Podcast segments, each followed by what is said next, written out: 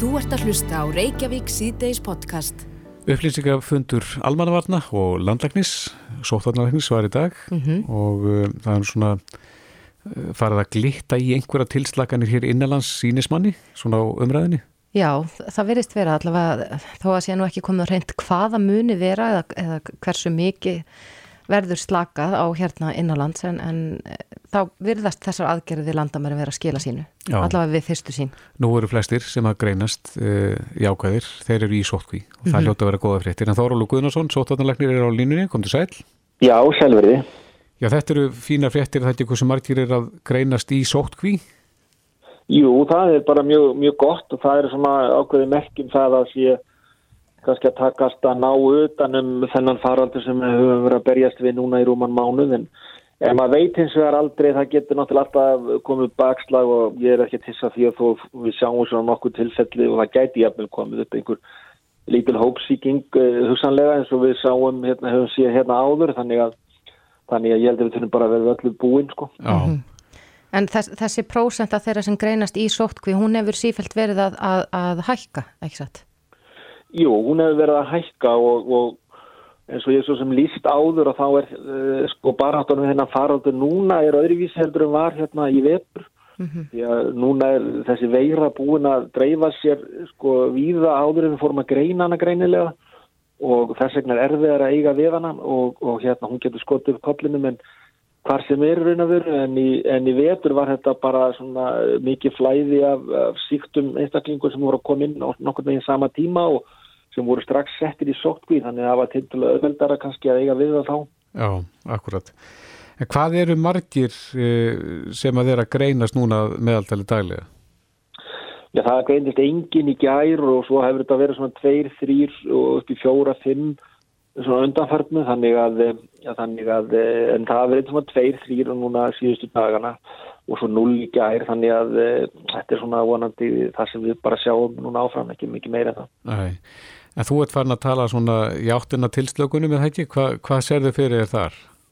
Já, ég er svona farin að renna hýra auða sjálfur, ég þarf náttúrulega bara að koma til út til ráðherra sem að síðan ákvæður, ákvæður þetta endalega og uh, mér finnst uh, að við þurfum að fara kannski slaka á og uh, ég, saði á fundinum áðan að þá höfum við uh, náða árangri, verulegum árangri með þessum skimunum, við erum búin að greina um 90 einstaklinga á landamærunum sem annars hefur farið hérna inn með veiruna og, og geta valdi hér svona síkingum og dreifingu á veirunni og, uh, og ég held að, að við ættum að geta farið að slaka og í mínum huga þá þá kannski er eðlilegast að, að, huga því að slaka, byrja því að slaka á, á svona innanlandstakmörkunum. Já, er til eitthvað reikni líkan Þórólu sem að segja okkur í hvað stöðu við varum núna ef þessir 90 hefðu eh, komist inn í landið og, og bara sint sínum málum? Nei, það er erfitt að meta það. Við, uh, ég held að, uh, sko, við höfum áður sagt og segjum það í vetur að það verið ólíklegra að, að ferða, sko, svona erlendir, hefbundin erlendir ferðamaður sem kemur hér nokkra daga að hann smiti, það er miklu líklegra einstaklingar sem að hér búa og er að koma inn og eru hér til lengri tíma, það er meiri tengslanett, það er umgangast fleiri og meiri líkur á því að þeir smiti, þetta getur verið allir gangur á þessu og ég held að þetta sé kannski okkur svipað núna en um það byrj 60 er um með 60% af þeim sem að sem að hafa greinst á landamærunum eru einstaklingar sem eru með lögheimili hér á Íslandi og, og hafa sennilega hafa mikið tengslanir þannig að það var ekki nema bara helmingurinn af þessum 90 að þá uh, gæti dreifingin hafa orðið ansi mikil ef ekkert hefði verið að gert. Það er nú, já, ítrekkað fjallað um það í fjölmiðlum að, fólk er að takast á um já, lokanir og, og, og hertar aðgerra á landamærum og annað slíkt. Erst þú þeirra skoðunar að, að þetta hafi verið heilla að skrifa að koma á þessu fyrirkomulagi sem er núna á landamærunum? Ég held að þetta skref sem að stjórnveld tóku og ákváðu að, að, að hafa tvær skimanir og sótkvíða milli hafi verið áhrifa, ríkasta leiðin til þess að koma í vekk fyrir að veiran kemist hérna inn í landi og en það er náttúrulega er sko þessi aðgerð var náttúrulega mjög erfið fyrir mjög marga sérstaklega þá sem er að standa í turisma en, en síðan voru aðrar aðgerðir sem að hefur verið hægt að grípa til en ekki eins örugar á þessi og þá hefur við tekið meiri sens á að fá veiruna hérna inn en það er bara mjög erfitt að stýra því nákvæmlega hvað, hvað eh, vil maður hafa mikið af veirunni hér inni og, og hvað er ásættanlegt ásættanlegu fjöldi smita og innlagna og svo framvis og framvis og þannig að þetta er ekki svona eins og tölvuleikur sem að stýr bara frá tíma til tíma sko. Nei, en þú segir þarna og ítrekkar það að, að það sé minni smittætt af þeim erlendu ferðamenn sem komi hinga með veiruna heldur en heimafólki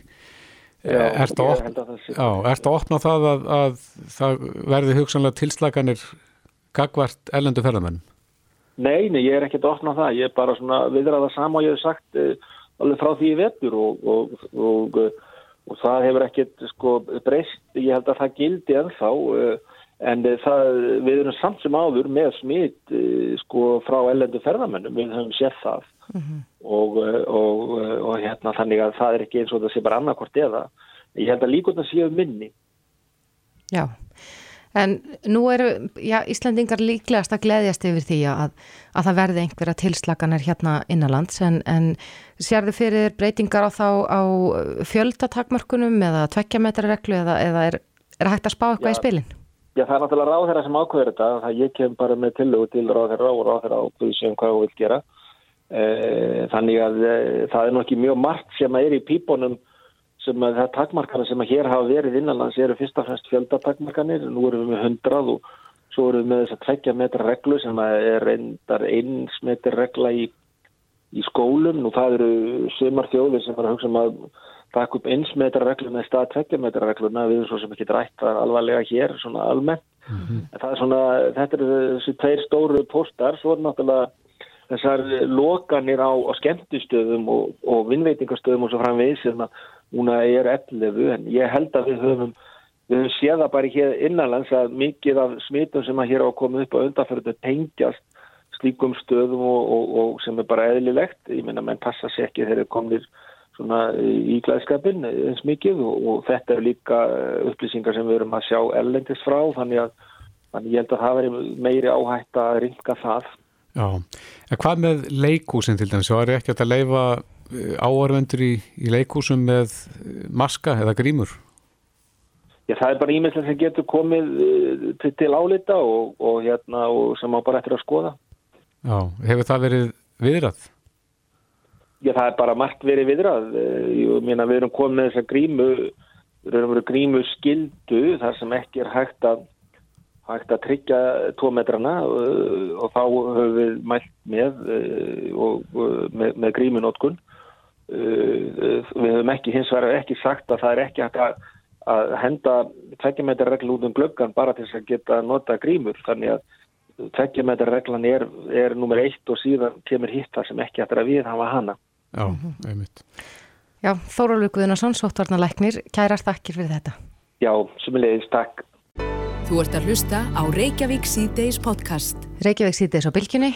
Við Já. rættum hérna á hann við Þóról Guðnarsson og fórum svona aðeins yfir það sem fór fram á upplýsingafundinum í dag. Já. En það lítur út fyrir að mögulegar tilslaganir verði hérna innanlands.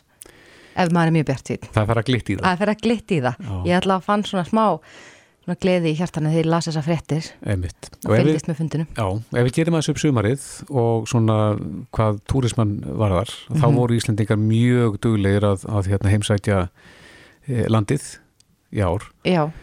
Og mér skilst að það hef, hafi bara verið erfitt að fá hótelherbyggi á vissum tímum þar sem að þau voru bara nánast öllu upp bókuð. Já, það kemur fram í þessum nýbestu tölum hagstofunar að að já, Íslendingar voru allavega 71% gesta á gistustöðum í júli en, en þetta var mest allt út á landi. Ég var sjálf í þeirri stöð að finna mér ekki gistingu eh, fyrir norðan. Já. það var bara allt uppbókað mm -hmm. í mhm. júli Davíð Torfi Ólásson, frangvöldastjóri Íslands hótela er á línunni, kom til sæl. Komið sæl Já, þú vantilega tekur undir það að, að sömari dekka ágætlega þetta á vissum hótelum út á landi? Jú, það er alveg hárið. Hérna, sumarið var bara mjög gott, sérstaklega júli, en við meðum samt ekki gleyma því sko að hérna, eins og við, við erum með 17 hótelina kæðinar, við vorum bara með nýju hótelopin mm -hmm. uh, í sumar sko. Þannig að, að, og eins og tölunar frá Hagstofunu þetta segja sko, þó að Íslandingar hafi verið meira á ferðinu, þá var þetta náttúrulega lítið brot, eða væri eðlulegt sko árferði. Já. En uh, flest hótelin, ef ekki voru lóku þá á höfuborgarsæðinu? Já, við erum með sex hótel á höfuborgarsæðin og það er bara eitt hótel sem var opið og verður opið bara hjá okkur. Þannig að, þannig að það, það, þetta var mesta, mesta fjöri var landsbyðinni og við erum rosalega þakkláttir fyrir það hvernig Íslandingarnir tóku við sér og, og, og það sem var skemmtilegt við Íslandingarna líka, þeir gerðu vel við sí mat og drikk og og svo fengum við hundana auðvitað til okkar líka því að við gerðum þá velkomna líka Hvernig gekk það? Já, það gekk bara vonum framar Engar kvartanir frá öðrum sem eru ekki fyrir dýr? Nei, bara ekki ein kvartun, þannig að þetta gekk vel og er bara vonandi komið til að vera, þannig að við höfum sótt núna um, um áframhald á að leiði til þess að hafa hunda líka mm -hmm. En nú er, er svona í kortunum mögulega að það verði slakað eitthvað á hérna innanlands á, á þessum takmörkunum. Sjáu þið fyrir ykkur að vera áfram bara með eitt hótel opið í Reykjavík eða, eða er einhver, já, er hægt að sjá fyrir sér að fleiri af landsbyðinni komi til höfuborgarinnar að gera vel við sig hér? Sko þetta, þetta verður svolítið blandað. Við, við auðvitað bindum vonum við það að þessum takmörkunum hér innanlands verði aflétt núna hægt og rólega og það þýðir það að fundir, rástefnur, nú veislur og annars lít sem að hafa verið á byggð, eh, það verður bara svona fjör í því og, og vonandi þannig að við getum haldið okkar árlugu villibráð og við getum farið á fulli jólahlaðborðin og allt þetta og, og það þýðir það auðvitað að fólk á landsbyðinni og þetta hérna bara í höfuborginni er þá nýtt okkar þjónustu og þjónustu hótelana og, og veitingastæðana. Mm -hmm. En, en uh, við sjáum þetta landsbyðin sko, þá, þá sjáum við meira að það verði bara fólk sem er að fara að gera vel við sig og fara í helgarferði og slíta því að það er ekki að fara endilega erlendis. Já, en þetta er svolítið tvíætja sverð, Davíð, vegna þess að, að með þessum tilslökunum núna, eða þess að með þessum, þessum hertu aðgerðum að landamærum að þá er verið að ná böndum á e, faraldurinn hérna innanlands sem að því þá að það er að fara í þessast tilslaganir. Þannig að Eh, ef að, ef að það hefði ekki verið farið í þær, væru við þá hugsanlega að tala um að það er ekki villibráð eða jólarláttborð og annað slíkt? Já, sko, ef að, ef að nei, jú, jú, við höfum, ef að, ef að þeir hefðu sko ekki komið með, með þessar heftu aðgerð á landamærunum, þá, þá væri við með fleiri hótel opinn og maður væri þá að, að með fleira fólki vinnu og, og, og það væri svona bara því að við sáum það alveg að það var að bókast bara vel inn í haustið og, og veturinn. Þegar ég segi vel þá er ég að meina að auðvitað ekki til líkingu árið undan en þetta var svona í réttri átt. Uh, uh, þó að landamæran hefur verið haldið haldi opnum en, en, en þá er spurning hvað hefur þeir gert í takmarkunum innanlands ef þeir, ef þeir hefur áfram verið með 100 og 20 metrar reglu þá þá hefðum við ekki gett að fara og getum ekki farið í, í svona jólarnaborðin og allt þetta því að það er bara, er overvitt að framkvæma það. Já, já það er að segja ef að, ef að þeir hefðu ekki gripið til þessar aðgerð núna þá hefðu vantarlega, hefðu verið verið að koma böndum á faraldurinn hérna innanlands, eða hvað? Já, ég, ég veit svo sem ekkert um það. Ég, ég, þetta er bara það sem þau meta þessi hafi verið rétt í stöðinni og og við getum að haft auðvitað okkar skoðunar á því, ég menna uh, það voru ekkert uh, hvað er dæmin mörg um það að erlendur ferðamadur hafi smitað mikið í kringum sig mm -hmm. þau eru ekki mörg þannig að hérna, það má hafa alls konar skoðunar á þessu en, en þetta eru reglunar og, og maður eru auðvitað bara að snýða stakkast í því og, og, og svona stilla strengina Já. En uh, sérðu fyrir þér að Íslendingarnir komið til með að taka jafnvel við þessir í vetur þegar þeir tíkt út á land?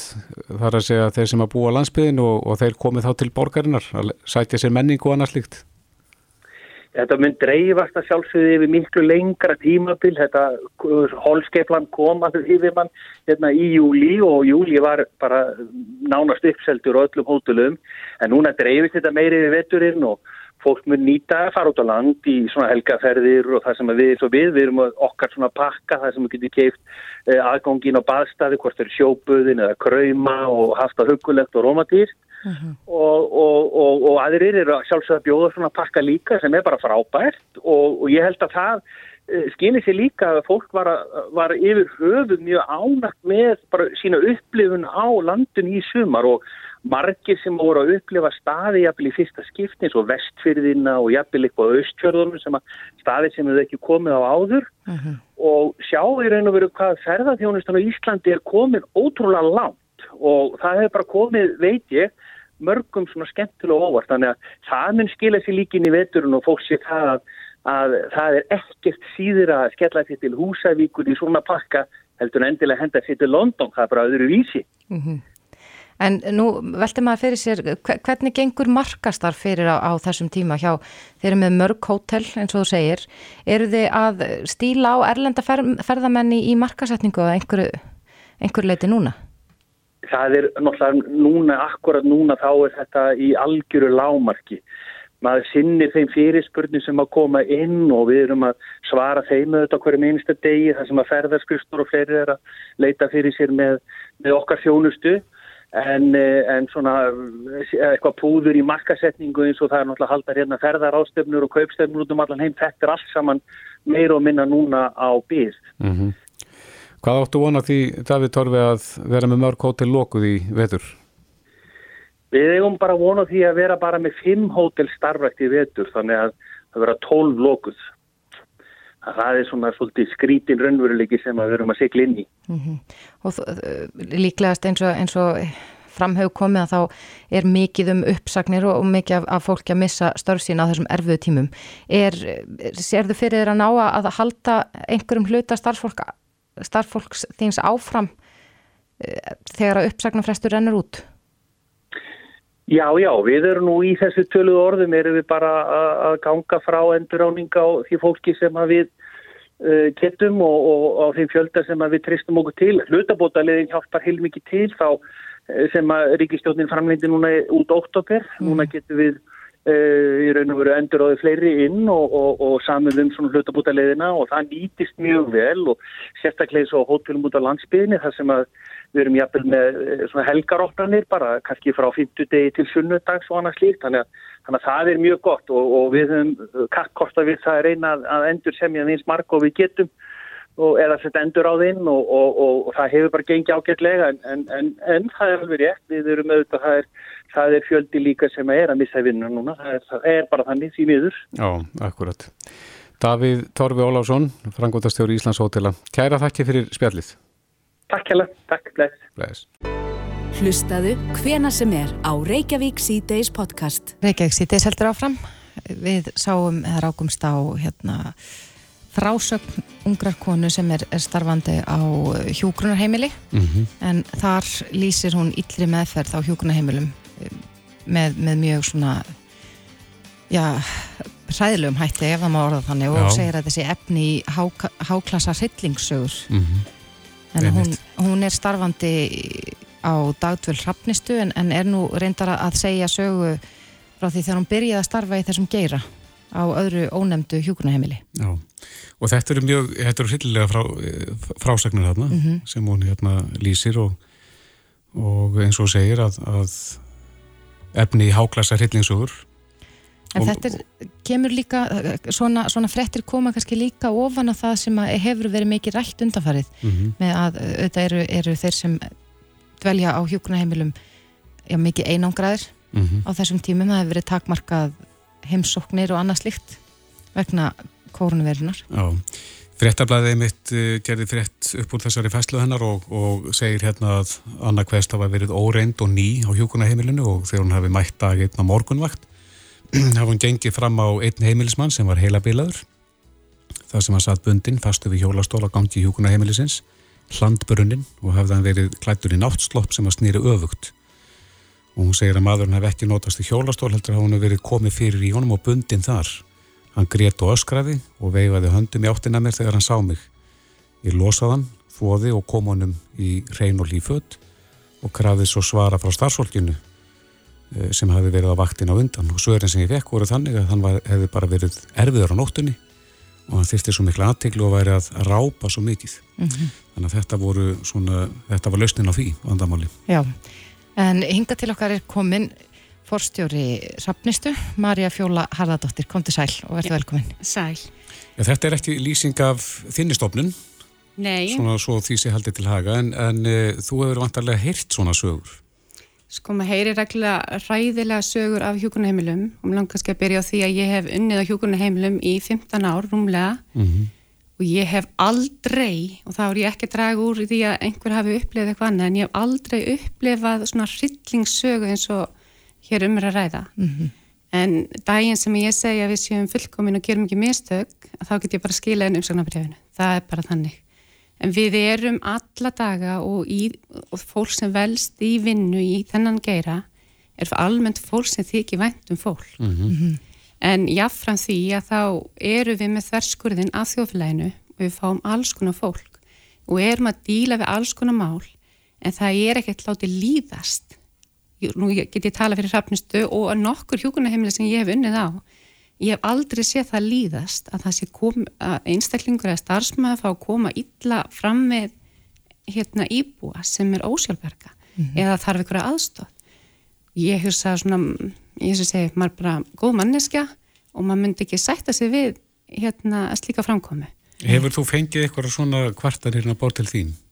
Ég hef fengið ímsar ábyrtingar og kvartanir og ég veit að stjórnendur og starfsfólk almennt að því við við líka vöktum hvart annað. Við erum alltaf að reyna að gera betur og auðvitað eru og ég ætla ekki að hérna skafa því að það koma einn einstaklinga sem eiga bara ekki heima í þessum geira í vinnu og þeir eru slíkum einstaklingum er sagt upp. Mm -hmm. Það er þannig og þau eru látni fara. Í hvað farfi ef þið fáið slíka tilkynningu eða ábendingu, í hvað farfi fer það innan þinnastofnunar? Eh, það er þannig ef þetta snýra starfsmanni þá fer þetta bara inn á mannu steld það sem að hérna, við erum með bara sérfræðingar að við erum nú með átta heimili í fimm sveitafélögum en þá er það sérfræðingur og ráðgjafi sem að snýra til heimili sem fer, í, hérna, fer á staðin eh, ræði við stjórnanda eh, það er rætt við ákveði starfsfólk mm -hmm. til að fá mynda af málinu það er rætt við starfsmannin og svo er þetta ekki ákverðund á því og við erum þar að það er betra að hafa aukt rúmin ítla skipað og þó það hafi verið oft á tíðum erfitt að fá fólk til starfa að þá er betra að vera áness en að hafa. Og ég veit allir eins og segja, ég er búin að vinna nokkrum hjókunaheimilum og ég veit ekki til þess að hérna, það sé látið líða, að það sé ítla komið fram með fólk. Og svona fréttir sem koma að hérna, það sem þetta gerir er að þetta hræðir um, starfsfólkið, eða sérst, eh, ekki sæði þetta svona, við erum svo sár og þegar ég mhm. lasi þess að frétti gær ég var svo sár fyrir hönd starfsfólksins sem að leggu sig 150% fram við að láta fólkinu líða vel og það má alveg taka svolítið dæmi eins og COVID það sem nánast ekkert smitt hefur komin á heimilinn það segir mér sem fagmanni að það er rúsalega flott starf sem er unni mm. En, en drefur þessa frásögn í Eva? Sko ég get ekki tekið svona eitt dæmi að því ég er ekki vittni og ég er ekki þar að segja að fólk sé að ljúa eða segja satt, veist, ég get bara sagt ykkur hvað ég hef upplefað mm -hmm. og það er oft dregna fram, finnst mér svona annars slæð eitthvað svona hrillingssögur af hjúkunaheimilum sko hjúkunaheimili eru alla daga að reyna að gera betur en þeir gera gær og við erum mjög hérna, það er mjög öflugt eftirlit, mjög öflugur eftirlitsæðali með okkur Ég veit ekki hvort að fólki er sér grein fyrir því en þrjusunum ári eru hjókunaheimilinn að svara 400 spurningum fyrir hvern einasta íbúa þar sem fram aðkoma læknir, hjókunafræðingur, almennustarfsmæður, yðjúþjálfi, sjúkarþjálfari, sálfræðingur ef hann hefur verið, talmennafræðingur og þessa niðurstöður fær, eru bara beint inn í emba til landlænis. Mm -hmm. Þannig að þetta er opið þangað og við hefum alveg fengið okkur að ef einstaklingur að detta til dæmis oftar en Svona, maður heldur svona, ef það dettur oftan eða þrýsa sinnum, sami einstaklingurinn þá fáum við banki baki hjá emba til andlæðnis, mm -hmm. af hverju þessi viðkomandi aðla dett og hvað er það ekki ríði það er bara eitt gott dæmi, finnst mér um hvað eftirlitstæðalinn er ábyrrandi, þó hans ekki alltaf henn að gabli hjá okkur en þá kemur hann annar slæð og við fáum stundum alveg bara annar slæð, þá fáum við ábyrtingar að því við erum ekki fullkominn og við erum aldrei að halda því fram við erum mannleg, við gerum mistök en við lærum af þeim mm -hmm. og mhm. reynum að draga og líka með það gerist ekki aftur en við munum gera mistök áfram því miður og það munum líka gera slis að því við erum með bara svo mikla flóru af fólki í alls konar aðstæðum og e, það er ekki þannig ennum hjókunaheimilum að það sé maður og mann við erum mhm. ekki þannig mönnuð og það er ekki verið að kaupa heldur af hjókunaheimilum þannig þjónustu Við erum til þess að hérna, veita fólki aðstóð við það sem það getur ekki hjálpa sér sjálf með. Við reynum að þjálfa þau með sjúkröðið þjálfun og þannig að þau séu með þessa sjálfsbyggu getu á eins miklu, eins miklu magni að þú getur. Mm -hmm. að því sem manneska viltu bara geta hjálpa þig sjálfur. En það sem kemur til dæmis fram í greininni það sem hérna og það hefur verið talað um lengi, það vantar meira fjármagninn ef að hjókunarheimilinlega veita þá þjónustu sem hefur að óska eftir af því að eftir 2008 að þá breytist aðeins skipulagi þannig að tekur ákveðin færn og heilsumast nefnd við það sem er bara í raun og verið að setja eða semst hérna keira þá sem eru mestur í þörfu hverjum tíma inn á heimilin sem við skiljum vel en það er ekki verið að auka fjármang þannig að það verður fjölga höndunum. Og þetta er alveg heilbriðsránd og fleiri búin að átta sig á við erum bara í góðri samfunni við og hvað ætlum við að gera, hvernig ætlum við að breyta þessu? Mm -hmm. og finna ykkur að laust og eins líka hún kemur fram á það að það verður að tala um einmannleika og, og það vanti þennan svona félagskap. Og ég er svo hjartanlega sammálinn þar vegna þess að við erum í raun að veita grunn aðstóð og við til dæmis á rafnistu höfum við erum með þrjár stöður sem eru umbúsmaður íbúa aðstanda. Þannig við, þannig við byrjum, einstaklinga eða starfsmann sem maður kann á hjókunheimili, þekkir þau vel að setja sér í sæti aðstanda mm -hmm. þannig að þá er hann að koma inn og horfa okkur gaggrínum augum og við fengið að heyra til dæmis bara í morgum að neðastjóð drafnustu að hérna ræðamálinn Út af þessari? Bara ekki út af þessari fæslu, heldur bara út af til dæmis þessum einmanleika, þessum mhm. félagslegum aðstæðum að því í ljósi COVID að þá eru við á milli tveggja umulega valkosta að það er að fá smitin á heimilin eða dragur umferðin á heimilin og við ákvæmum að dragur umferðin á heimilin sem gerir það verkum að margir af okkur einstaklingu sem eru með heilabilun þeim getur hörna hraðar og þarna kom umbósmaðurinn til dæmis inn í morgun og sagði herðu, við verðum að gera betur þarna.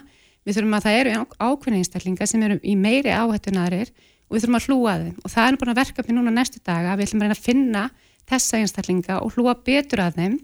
En með þessa félagslegu þörf að þá hafa umbósmenn íbúa þeir hitta alla aðstendur sem komin á hrafnistaheimilinn og við byggjum þau, hjálpi því okkur með þessa félagslegu þörf til að reyna að draga úr einmannleika en þess að við höfum um, getan okkar er að sinna þessum grunnþörfum. Það er að fæða og klæða ekki og borða það, þú veist, reyna að virka og reyna að koma í, reyna að halda þær í ákveðnu formi mm -hmm. en okkur vantar aðstofið að fá þessa félagslegu mm -hmm. og það kemur frá aðstofendum en síðan komum við til þeirra þá sem hafa ekki þann, þann frábara möguleika að fá aðstendur inn að því það sem eru bara hérna, einir og hafa ekki þennan hérna, þetta bakland. Nei, en, en þessi frásögn sem að já, er, er í frettamælunum mm. og hún mhm. byrst á Facebook, þetta er starfsmæður hjá þér sem að skrifa þetta, mm -hmm. jáfnvel þó hún sé ekki að tala um rafnistu og er mhm. vera að rósa rafnistu mm -hmm. í þessari grein, en, mhm. en það sem hún segir er að þetta viðgangist á hjúkurnaheimilum landsins og sést þakkað niður Er þú sammála því að, að það sé gert? Nei, ég er ekki sammála því og, og hérna vegna þess að eins og við horfum bara á þetta, hvað græðu við á því? Að fara að þakka eitthvað niður, okkur segjum við ekki bara ég hef nokkur sinu komið fram að það bara fyrir gefðu, þannig að gerðum við mistök. Ég get alveg sagt fyrir gefðu í aðstæðan þannig að ég sannlega sá bara við gátum gert betur og ég hef setið fjölskyldufundi þess að við bara, ah, veist, þarna gátum við bara gert betur og það er miklu betra og heiðalega og miklu auðveldra fyrir okkur að vinna að lausn og úrbótum ef við komum með þetta á borðið. Þannig að ég veldi líka fyrir mig hvort að starfsmenn viti raunverulega í hvaða ferli málinn fóru. Þú kemur inn og, og þú segir, þú upplifir eitthvað eða eitthvað gerðist og svo segir bara þú gerði ekki neitt. En ég veist að vei, veit fólk í hvaða ferli fóru og það er líka gaggrín á okkur sem stjórnanda erum við að upplýsa starfsfólki og segja þeim, herðu, þú komst þið með þetta mál við gerum þetta og þetta er neðustan mm nú ætlum við að gera betur og reyna að draga líkum á. Þannig að það maður kannski bæta það upplýsingaflæði. Í raun og veru, mm við getum alltaf bætt okkur en hérna ég að sko það sem er svona, kannski kjarnin í þessu er þetta þetta að fá að skrifa kannski líka einhver svona í reyði af því það sem ég las úr þessu er bara ég vil, ég, ég óska eftir að fá uppbyggilega gaggrinni Mm -hmm. segðu mér hvað ég er að gera ránt og hvað ég get gert betur en auðvitað þurfum að líka hlusta stundum bara á reyðina því fólki bara og ég las alveg gegnum þetta henni tekið mjög vænt um fólk. Þetta er góð manneska En ég, ég heyri svona tónin að það að þú hefðir helst vilja hún hefði sleftið að skrifa þessa grein. Ég hefði viljað að hún hefði skrifað á annan hátt en þess að það hjálpar mér í þessum geira að breyta ímynd almennings á hjókunheimilum vegna þess að það er ákveðin svona, ég veit hún er raung, það er raung ímynd á hjókunheimilum og að fá svona inn svona, svona gaggrinni eins og hún er að setja þetta fram hvað sem hún uppliði, ég veit það ekki og ég ætla ekki að fara að sverja að hún hafi uppliðið eitthvað annað en að fá svona inn okkar púður sem ætti að fara alla dag í það, reyna að bæta þjónustuna reyna að fá inn meira fjármagn og reyna að vinna í því að okkur fólki líði vel mm -hmm. að það fer í það að reyna að róa núna aðstendur og segja, herðu, þetta er allt í lægi, þetta er ekki rétt og svona eru hlutirnir og að því þú ert að fá svo þetta er svo hérna reið og vond gaggríni. En hafa aðstandendur komið sér í samband við ykkur í dag út af þessum, þessum fréttum? Um, ég hef ekki hýrt af því en starfsfólki veit ég að var mjög sleið í morgun mm -hmm. og það var svona, mér heyrðið ansi í fórstöðum ennum rafnastemilana, það var svona við erum bara, ég veit ekki, við erum ekki reið, við erum bara sár. Mm -hmm. Það var meira þann. En hefur þú átt samtal við þennan starfsmann út af, út af greinni? Já, ég hef gert það.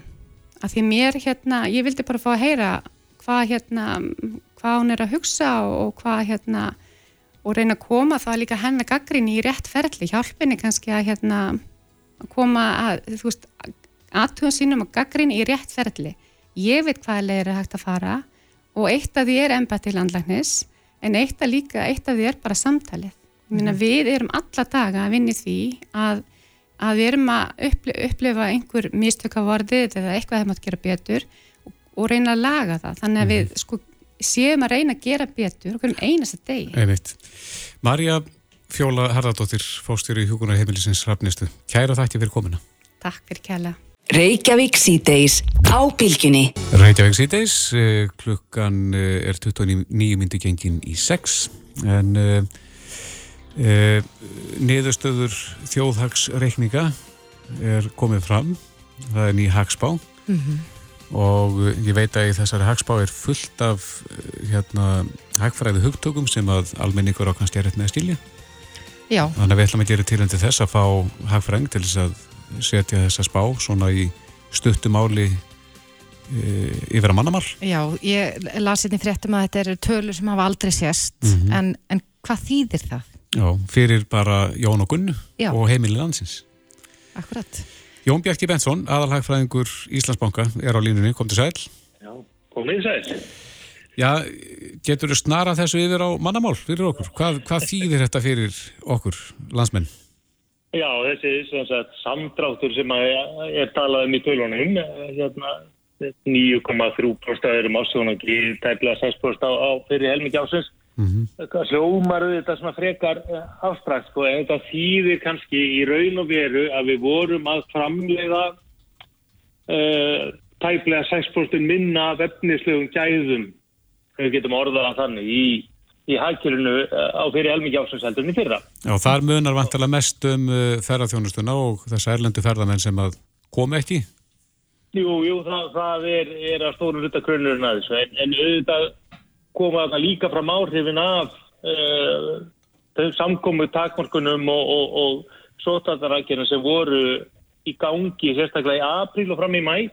það mhm. kemur svolítið stert fram líka við munum kannski alltaf við vorum nú kannski ekkert út og söður hérna í, í apríl og fram í mæ fólk satt svolítið bara hérna heima á sér og, og mestalagi vestla á netinu og álgreifslustofur og fleiri slíki þjónustæðala þetta er reynilega loka og það munar um minna tjó, svona þjónusta uh, svo okkar hvers við annað, hún er farin að vega býstna tungt í í hérna neistlunni, í, í raunin hægkerfinu mm -hmm. og það getur kannski hver svolítið hugsa að fara í gegnum þegar sjálf sér veist, í hvað eigði ég peningunum mínum og, og, og, og í vaksandi mæli er það eitthvað annað heldur en bara hérna, satt í gröytin eða eða einhver tæki eða eitthvað stíð sko, stærri og stærri hluti er að verða svona hlutin, það er einhvers svona upplifun, aftreying eh, svona persónuleg þjónusta allt frá, frá nutti yfir í hálfkvæmst, yfir í yfir í, yfir í allskinn svoleið stús Má, uh, má álíkta að ef, ef að já, það verður hert aftur á, á þessu, allir þessari þjónustu hér innanlands að það muni hafa þá enn meiri og þá slæm áhrif þá, þá munum við sjá vissulega aftur, aftur bakstað þessu tægi uh, sem við sáum þarna í tölunum á, á öðrum fjörðum. Mm -hmm. Við sáum en, en svolítið merkelt, en fjörðungurinn er svolítið tvískiptur, ef, ef maður horfður neyra mánuði, sko, að fyrir því hermikið nána, þá var það svakalegu samtrátt. Sko. Mm -hmm. en, en svo leið og að slaka á þessum takmörkunni hérna, hérna innanlands, þá voru við svolítið eins og, og kýrnar að voru. Það var farið, ef maður fór niður í, í bæ hérna á, á vorkvöldum þá var, voru mjög mörg veitingahús bara mjög bett setin og, og við þekktum það sem varum að ferðast út á landi í sögabíljun að það var það voru sneisaföld hótelin og, og veitingarstæðin var hverju líka. Þegar að það er svona jafnaði sig út að vissuleiti og, og á meðan svona að gera tíaflutna þá er það nú kannski spurningur tilfæslu frá einu mánuðu til annars. En já, og, það er auðvitað takmarki með þeirri áherslu sem virðist fyrir að koma núna á stjórnvöldum á að uh, grípa ekki til harðara aðgerða en byrjunum lausum til innanlands. Það er auðvitað að koma í vekk fyrir þennan skell. Bæ, bæði, sagt, bæði svona sá sóu sem verður þeirra þegar börn og úlingar komast ekki í skóla, alltaf þá rösku sem það er í för með sér, uh, menningar og, og listalífi þeir náttúrulega allt svona hliðinni sem getur við og eins þetta, þeir sem hafa svona tekir af því að af því að, að halda okkur heilbriðum og glöðum og snirtilum að þeir missa svakalega spónu úr sínumaski. En hvað getur við gert almenningu til þess að reyna að stoppa í þetta gatt? Getur við eitthvað gert? Kanski farið minna á erlendar sölusýður og einbitt okkur af því að vesla hérna innanlands? Já, við höfum nú verið býst að duglega að, beina neistunni inn fyrir landsteinuna ef við getum orðað þannig eins og við sáum í tölum fyrir til dæmis hótelnýtingu og, hérna kortavertu á veitkastum og slíku.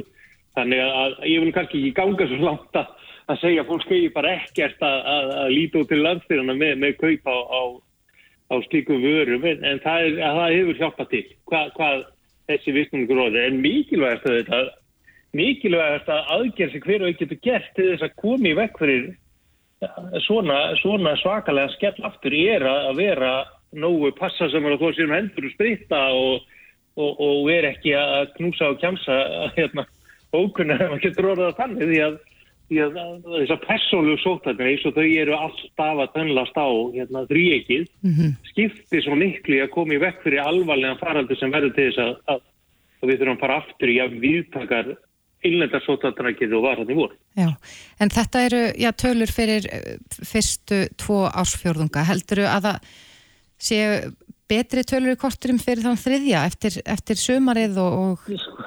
Ég held að þriðji fjörðungu verði þokkalegur en sá fjörði verði nú ekki glæsilegur.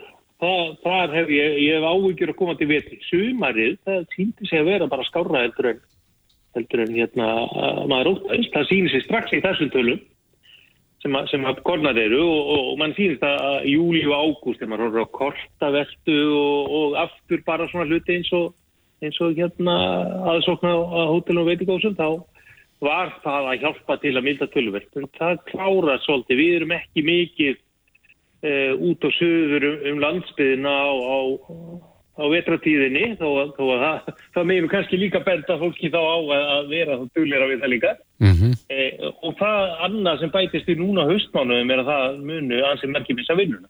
Það hefur náttúrulega hjálpað mikið til núna að, að bæði hefur orðið minna aðtölussetur við vorum hrættum mörg hver og eins líka e, þeir sem að þó hafa mist vinnuna, þeir hafa e, verið að ímist þess að í rauninni skjóli stjórnvald að við getum orðað þannig að, fyrirtækina fengið Uh, styrkt til að halda minnstakosti fólki í meiri vinnu heldur en ætlaði orðið og eins er fólk náttúrulega flest hvert að uppsækna flesti því að þessu skamtu liðið frá því sketturinn uh, reyði yfir. Mm -hmm. Þannig að það var svo eftir að koma í höstlarsamann. Já, ef við erum búin að tala um ferðarþjónustuna, það er mikill skellur þar, það er að segja vegna ferðarmannar sem aldrei komu, en hvað með sjávarútveginn?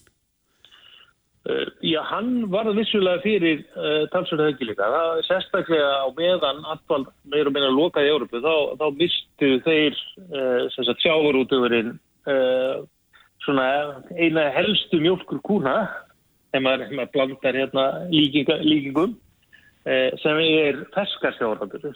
Mm -hmm. Okkar, okkar góði fiskur, hann er, er vinsætt á, á veitingastöðum í, í Európu og, og þar fæst besta verði, mest, mestu virðiseginu við að selja slíka fisk. Það hefur nú uh, róa svolítið til í því aftur, en, en þær greinar eru líka svolítið undir hælunum þó það sé ekkert í líkingu við þann skepp sem að ferðarþjónustan er, er að fá og einsbásegum yfirna en það er það er hart á talnum þar, við erum náttúrulega hirt af, af valdraðum uh, kísil málmsvespiðunar á húsaug, PSC, mm -hmm. sem, a, sem að hefur dreyið verulega samansækli vegna áhrifa COVID, svona óbeitna, við getum alveg þannig, og, og áliðnaðurinn svona hefur verið í mótindi þó að það sem við eitthvað fara að róa til þar uh, að mér skilst.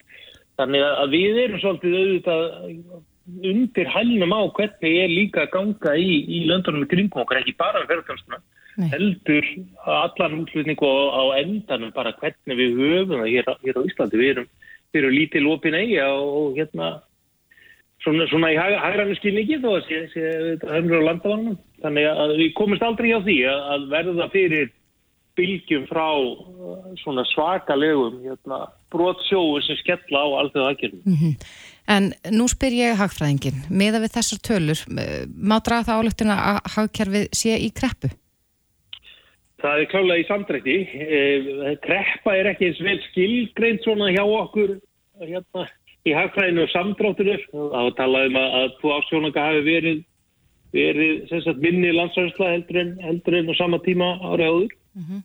Kreppa er meira svona bara djúpu samdráttur, það er bara Uh, já, ég held að greppa sé meira huglaþorn þegar, þegar samdrátturinn orðins líkur að mjög margir eru sátt að binda og, og það er hægt á að ég grafi um sig eða þar sem að svoleið síður yfir langvarandi miklu ræðuleikar, þá komið greppa. Mm -hmm, ef... það, það er sem betur ekki, ekki ennþá raunin í okkur og við höfum sem betur burðið til þess að að minnst kosti svona í sálrænu skilning ef við viljum, viljum skildina kreppu sem mjög al, almennt mótlæti og erfiðleika hjá öllu þorrunum þorralandsmanna, mm -hmm. þá höfum við nú hérna, eitt og annað til að, til að koma í veg fyrir að svo verið. Já, við skulum huga að því en Jón Bjarki Bensson, aðalhagfræðingur Íslandsbanka, kæra þakki fyrir þetta.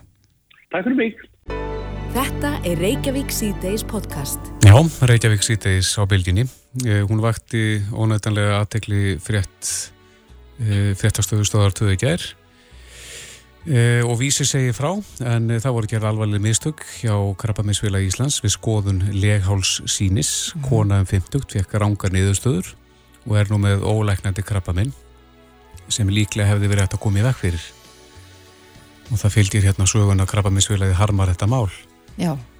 En um, Engar frumubreitinga greindust hjá konunni við reglubundna lehalskoðun uh, hjá kvennsútumalækni árið 2018 en í ár veiktist hún alvarlega og fór í aðra lehalskoðun í vor og þá kemur ljós að hún er undurlöga krabbamenni. Hún greinist með krabbamenn sem hefur dreift sér á skömmum tíma og það þótti sérstakt hver mikið það var búið að dreifa sér með að við hún hefði farið í skoðun fyrir tveimur árum. Mm -hmm. Og þá var hún farið að skoða gamla sínið og þá komi ljós að hún hefði verið uh, ránt greint. Já akkurat. Þetta eru mistök sem að auðvitað krabbmennsfélagi harmar en, en spurningin er í fyrsta lagi er forrætnild að vita hvort að slíkt hafi gæst áður mm -hmm. og þá líka hvort, að, og, hvort og hvernig verður hægt að koma í veg fyrir svona mistök í framtíðinni. Eða mitt, Ágúst Ingi Ágússon er yfirleiknar og leytast á krabbamennsfélagsins, kom þú sæl? Já, sælum við höfður. Já, spurningin er, hefur þetta gæst áður? Sko, uh, það sem er kannski fyrst að nefna í þessu er það að, uh, að skímun, hvers konar skímun sem er, hvort sem er krabbaminn skímun eða fyrir einhver öðru, mm. er aldrei 100%. Það er, er ekki ekki eftir að gefa 100% tryggingu fyrir því að við greinum rétt í öllum tilfell.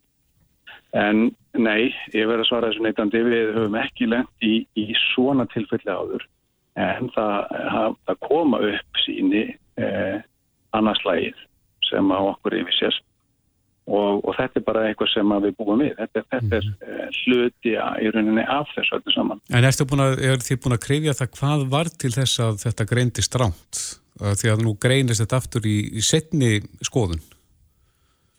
Já sko Hefði þetta ekki átt að sjást í fyrir skoðuninni og þegar þetta var greint í fyrirstifti líka?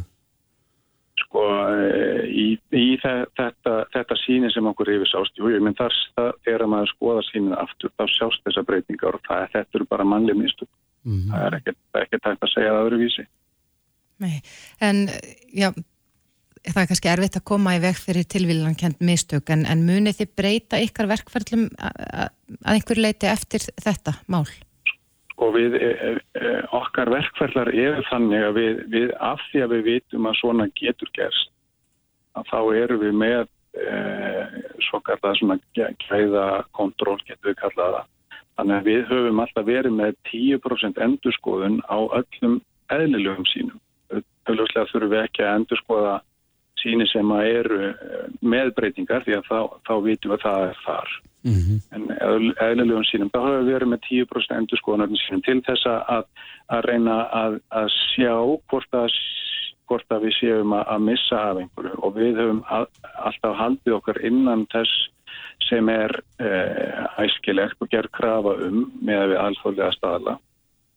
En eh, eins og svo má bæta þess, því við að sagt, eh, frá með uppgafið síðasta árs að þá tóku við í nótkun uh, nýtt tæki sem að, uh, sem að er í rauninni uh, svona hálf sjálfvirk, uh, hálf sjálfvirkur úrlestur á þessum sínum og það, þar auku við verulega við næmið sagt, á, á uh, rannsóknum. Þannig að hún að þetta tæki sagt, á, á að tryggja það að þessu mun minni líkur á að við missum af heldur en áður. Mm -hmm. Þú segir að þið yfirfarið 10% af þessum sínum, er, eh, væri það ómikið mála að yfirfara öll sínin? Að einhverju tveir færu yfir, sitt hvort aðeins færi yfir? Sko, við erum að skoða, uh, við erum að skoða svona millir 25 og 30 þúsund síni á ári mm -hmm. og, og á rannsóknarstofunni sem við erum með, erum við ekki með nema kannski 5-6 sem að starfa við þetta þannig að við myndum, nei, við myndum ekki geta eins og aðstæður eru þá myndum við ekki geta endur skoða öll sín það er einfallega bara ekki praktískt mögulegt mm -hmm. En væri, já, óskandi fyrir ykkur að vera með starri hóp starfsmanna sem sér um þessi mál? Já, það er svo sem engum blöðum um það að fletta. Við hefðum þurft að, að uh, vera með fleira starfsfólki á en, en, en það, er reyndar, það, er, það er ástæður fyrir því að, að það hefur ekki hérna, gengið eftir er að við höfum, sko krabbaminsfélagið er búin að vera með mjög uh, stutta samninga við sjúkratryggingar Íslands síðan 2013 og, og það hefur alltaf verið framlengt um mjög stuttar stutt tímabil í senn. Við hefum verið með allt niður í einsmóna framlengingu á okkar samlingi og lengstu framlengingar hafa verið kannski 15-18 mánuður. Og þegar við eh, búum við slíka óvissu þá höfum við ekki treyst okkur rauninni til þess að, að, að uh, tryggja nýliðun eða, eða fjölga í þessum hópi. Og auðvitað náttúrulega er þetta líka spurningum um það fjármag sem við fáum frá hennu ofinbera fyrir utan uh, það sem að konunin greiða fyrir komuna. Að þá rauninni bara ekki, höfum við ekki haft fjármakt til þess að, að, fjölga mikið. Mm -hmm. og þetta hefur komið sem þetta í veg fyrir nýluðun vegna þess að það að þjálfa starfsmann í, í þessa, uh, við þessa greiningu, það tekur uh, hálf til eitt á. Já, en þú nefndir þetta tæki sem að á að auka gæði rannsóknarna, er, er, kemur það í staðin fyrir mannsögað? Það gerir það nokkur liti. Það er þó ekki þannig að, að, að sko, þetta, þetta er rauninni það sem við getum sagt er að með þessu tæki, þá erum við kannski, þá getum við eiginlega sagt að við sem að tvískoða öll síni vegna þess að, að það er ekkert síni sem fer, fer ekki gegnum mannahendur. Mm -hmm. Öll sínin sem sagt þau fari gegnum bæð þess að þennan tölvu skanna og svo eru þau skoðið eftir á af, af þeim sem að stafsfólkinu. Og er, er tækið, er það nákvæmara? Já, það, það er e, náttúrulega búið að marg, e, marg rannsaka og þetta er, þetta er bara hugbúnaður sem, sem að lærir að þekkja minnstur og, e, og maður getur sagt að það, það skannar allt feltið og, og hérna, já, maður getur sagt að það sé svolítið nákvæmara, já. Mm -hmm. En þú telur þá kannski að með þessu tæki verði hægt að koma í veg fyrir það sem að, já, hægt er að skrifa á mannleg mistök? Það verður ekki kannski að ölluleiti hægt en það mun draga enn meira úr líkunum á því. Já, hefði þetta tækja á sínu tíma mögulega komið í veg fyrir þessi mistök? Það er mögulega. Já. Ágúst Ingi Ágússon, yfirlæknir á leitastöðu Krabbamiðsfélagsins. Kæra þakki fyrir þetta. Gjörðsvel. Reykjavík síðdeis á Bilginni podcast. Það er nýmislegt sem að flýtur á netinu mm -hmm. og uh, okkur var bent á fæslu þar sem að íbúi við miklubröðina sett inn uh, myndbönd og uh, þessi myndbönd geng út af það að, að hann fyldist með hérna, gangbröndar ljósum. Þau eru hérna við Klambratún og svo við hérna gamla Tónabæ Mhm. e, og í bæðistiftin í það minnst á þessum myndböndi sem við sáum að þá sagt, kom raukt ljós á agandu umferð án þess að nokkur var að gangi yfir. Og ég man að við gerðum uh, innslag um þetta, tókum þetta fyrir fyrir einhverjum árum síðan, það sem okkur var bent á þetta og þá var svarið það að, að uh, þeir væru að stoppa umferð þarna viljandi, þetta var gert í ykkur tilunastinni Mhm. en okkur skildist þetta að nú verið tekið af en það til hvers að vera stöða umferð ef eindi gangandi er að fara nýfir er það ekki bara til þess að stoppa flæðið? En það er spurning hvað sé í gangi núna.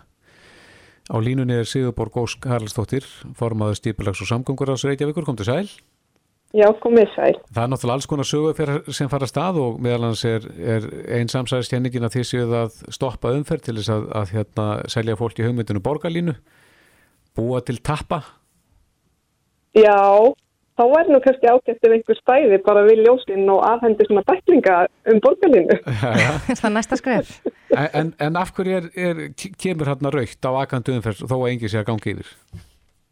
Þetta er bara bilun í, í ljósabúnaði. Það er eitthvað bilun í stýrikerfinu, annarkvæmstu takkin fastur inni eða eitthvað sem þarf að lagfara í tölvunni. Já, þannig að þetta áætti að vera svona. Nei, svo sannarlega ekki og, og við viljum ekki hafa þannig því að, að þá er hægt við að aukumenn fari að, virða ekki í rauða ljósi þegar það er mjög nöðstilegt að þeir geri það þannig að, við viljum alls ekki að, að, að grænt koma á gangandi og raukt á akandi þegar enginn er að ganga yfir. Það er ekki, það er ekki til bóta fyrir neitt. Er þá meginreglan svo í borginni að, að þetta eigi ekki að vera svona? Að það eigi, já, akkurat bílar að geta kert yfir þegar enginn er að býja eftir að geta gengið yfir? Já, á svona ljósum eins og þessum þeim, þeim eru bara gönguljós, þeir þjóna engum öðrum tilgangi Nei. að þá að sjálfstöðu verða þau að virka þannig. Já, en þetta var svona og, og menn gerðu þetta viljandi hérna fyrir einhverjum árum síðan svona þegar við fórum að stúana. Já, nú þekk ég nú ekki til þess sko, ég er hérna sem ekki, Nei, ekki tjá mig mikið um það en ég er búin að ræða þetta mál við samgöngudild og samgöngustjóra og þessi verið titt í liðin. já, þannig að það verða sendir menn þarna til þess að, að skoða þetta og laga. Já, að sjálfstöðu við viljum það, það Það, það er til bóta fyrir alla eins og ég segi. Þetta, þetta, það, það skiptir líka máli. Við nefnilega erum búin að sjá það að, að tíðustu ár og þá hefur fjölgast slísum þar sem aukumenn keira yfir á rauðu. Já, Þannig að og það er, getur verið alvarlegustu slísum þar sem að mestir hafi e, bílsins á sér stað. Þannig að við viljum ekki íta undir það. Þannig að það þarf að vera mjög skýrt hvenar er rautt og hvenar er grænt. Já. Hvað er annars helst á baui hjá ykkur í skipulags og samgönguræði? Hvað er svona næstu skrefin í samgöngumálum borgarinnar? Það er alltaf rosa mikið í gangi hjá okkur. Það er að sjálfsögur fara að koma núna á næstu vikum frumdröð borgarlínu Mm og þá munum við sjá nákvæmlega hvernig hún liggur í götunni og hvernig gatnamótin verða útfærð og stoppistöðunar. Það verður rosa skemmtilegt að sjá það. mhm. Og svo er náttúrulega stærsta uppbyggingarstæði borgarinnar, það er ártúshöfðin. Hann er að fara á staði núna í haust. Já, það byrja núna í haust og það er allt í tengslum við borgarlínuna. Já, það er í rauninni hverfi sem er með jafn margar íbúðir og, og gráðurinn. já, já. Svo var líka talað um að það ætti að bæta ljósastýringuna í borginni allir og reyndar á höfuborgarsæðinu. Hvað er að frétta af því? Já, það gengur bara vel. Það er búið að gera greiningu á allir ljósastýringa hverfun á höfuborgarstöðinu. Siemens gerði úttekt á því og, og þá komi ljósa að það er nú alveg ágætt kerfi sem við höfum en það er líka vel í stakk búið til að, að taka nýjar uppfærslur og, og svona betrum bætu hvað var það flæðið þannig að Þannig að það tæki þá meira mið af, af þeirri umferð sem er heldur en bara einhverjum tímastillum.